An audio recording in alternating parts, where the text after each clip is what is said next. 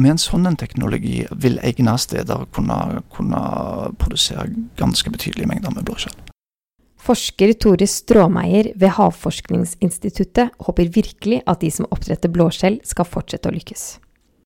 Dette er Tekfisk, podkasten om teknologi og forskning i sjømatnæringa. Mitt navn er Kjersti Kvile, og nå skal du få høre mer om potensialet til norsk skjelldyrking.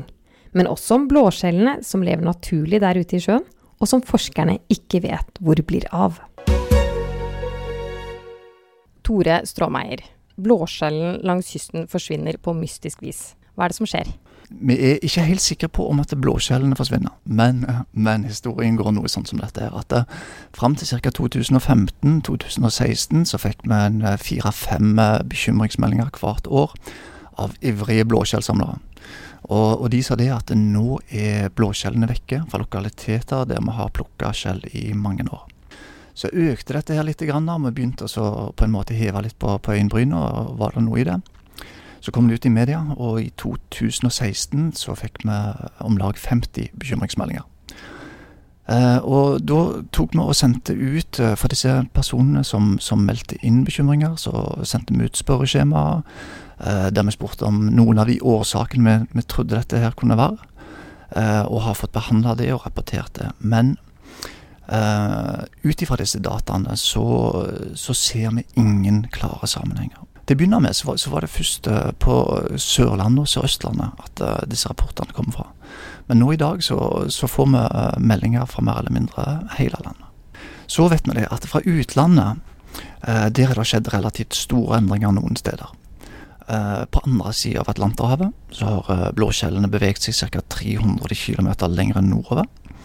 Uh, og der har en bedre kjenning, eller der kjenner en bedre årsakene. Det er økt overflatetemperatur som har gjort at de har, har eh, forsvunnet fra de sørligste områdene. Så vet vi òg det at blåskjell er gjenfunnet på Svalbard. Og det har det vært. for 10 000 år siden så var det blåskjell. Men i ettertida så har det ikke det. Og først i 2004-2005 så ble blåskjellet gjenfunnet på Svalbard. Uh, og nå for et par år siden så, så viste de òg det at de er i stand til å reprodusere seg i det miljøet. Så blåskjellene, sånn som det ser ut nå, er, er kommet for å bli på, på Svalbard. Og de òg er knytta til, til, økt overflatetemperatur uh, på sjøvannet. Ja, da er det jo klimaendringer. Har dere noen andre teorier om hva som er årsaken? Ja, uh, der, der, er, der er, kan være mange årsaker til at bestandene endrer seg, og, og til at de eh, forsvinner fra kortere eller lengre tid. Det finnes sånn åpenbare grunner, sånn som isskuring. Får du mye is, kan det skure tidevannssonen ren for blåskjell. Ærfugl spiser veldig mye blåskjell. Bestander der, større bestander der kan renske områder. Uh, mye ferskvannsavrenning over lengre tid kan skape problemer for blåskjell, spesielt i brakkvannslaget i de øvre lagene. Uh, så det, det, kan være en rekke uh, årsaker til det. sykdom har vist seg i Frankrike å redusere bestanden av blåskjell i senere år, eller dyrka blåskjell. Er det grunn til å være bekymra? Det er grunn til å være oppmerksom på det, og, og begynne å, å, undersøke dette her grundigere. Spesielt for den lange norske kysten. Med tanke på, på temperatur, så, så, er blåskjellene utbredt eh, betydelig lenger sør enn Norge. Så Sånn sett så vil en, en, eh, en, eh, økning en liten økning i temperatur vil antageligvis ikke ta vekk bestanden vår langs vår norske kyst. Uh, men allikevel altså, så, så, så, bør vi få en oversikt over hvordan bestandene er langs kysten, og så følge de opp over tid og se og dokumentere endringer. Ja, For hva er det dere forskere gjør? Nå, nå her på Havforskningen så er vi i ferd med å starte et overvåkningsprogram. Vi er i ferd med å, å, utforme innholdet i det, hvor det skal være, uh, altså hvor mange stasjoner vi har, og hvordan vi skal ta oss og gjøre dette arbeidet. Forhåpentligvis, så er, eller sannsynligvis, så er det, det programmet oppe og går. Uh, start opp neste år. Men så er det jo oppdrett også av blåskjell. Hva er status i dag? I, i Norge så, så, har det, det har vært oppdrett av blåskjell i mange mange år, og det har gått litt i bølgedaler. Men siden midten på 90-tallet, siste del av 90-tallet, etter, etter ja, den uh, store satsingen som var, var, da, så har altså blåskjellproduksjonen økt eh, jevnt og trøtt. Riktignok ganske rolig. I dag så produseres det vel i overkant av en 2000 tonn, og det sysselsetter mer enn 50 uh, personer. Så, så, og de som produserer blåskjell, de, de, greier ikke å produsere nok til, til, til markedet. Men jeg leste sted noen som beskriver den der forrige runden som norgeshistoriens mest mislykkede oppdrettssatsing. Hva er viktig nå for at ikke det skal gjenta seg? Og Det er sikkert mange mange årsaker til, til, til det. Um, fra det biologiske uh, så, så, ble det nok Det ble brukt direkte overført teknologi fra andre land som ble utplassert i Norge. Uh, og for å gå kanskje gå inn på en av faktorene, da, så um, langs den norske kysten så har vi litt lavere fødekonsentrasjon i vannet enn der de typisk driver med oppdrett. Og Det gjør det at hvis du har veldig veldig mange blåskjell på et lite område, så spiser de opp all maten, og kvaliteten på blåskjellene blir dårlig. I utgangspunktet så produserer en mer eller mindre skall, blåskjellskall, og det er ikke markedet interessert i. Uh, men på den andre sida så har vi, vi har, uh, en av verdens lengste kystlinjer. Vi har utrolig mange egna lokaliteter for å produsere blåskjell. Beskytta lokaliteter. Eh, og med en riktig fordeling av biomassen, god kunnskap om lokalisering og biologi, eh, da kanskje spesielt fødefysiologi, om hvor mye mat de trenger, og hva, hva deler av den tilgjengelige maten de faktisk spiser, så, så tror jeg potensialet for dyrking av blåskjell er, er, stort.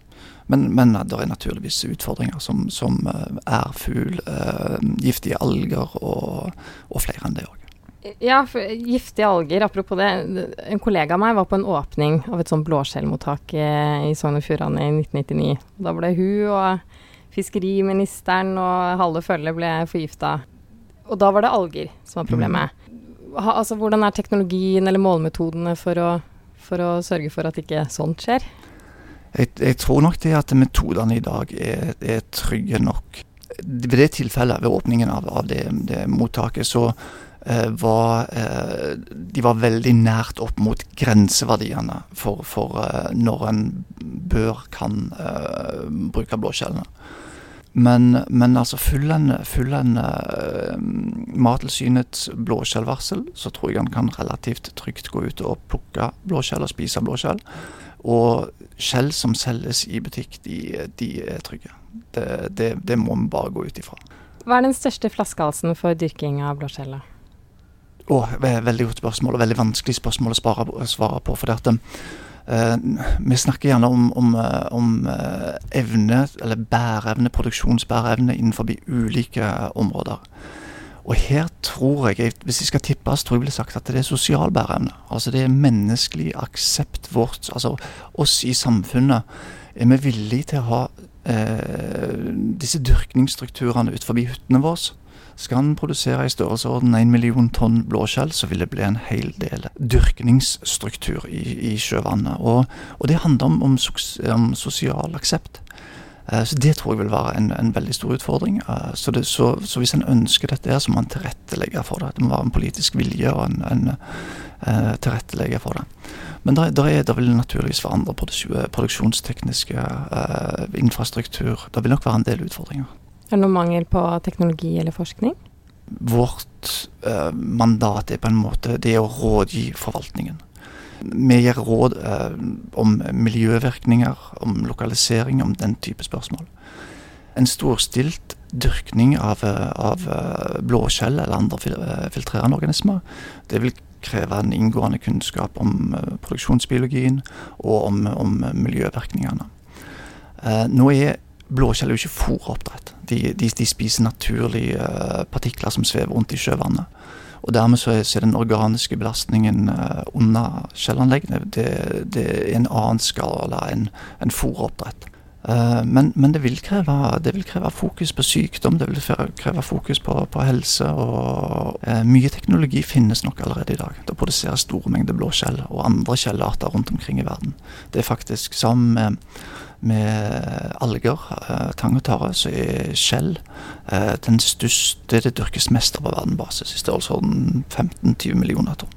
Du har sagt, eh, eller du nevnte en million. Er det det som er potensialet? Oi. Det, det, det, jeg tror nok det at potensialet er større enn en, million tonn blåskjell. I mange år så har vi jobba med, med, kontrollert oppstrømning av næringsrikt dypvann.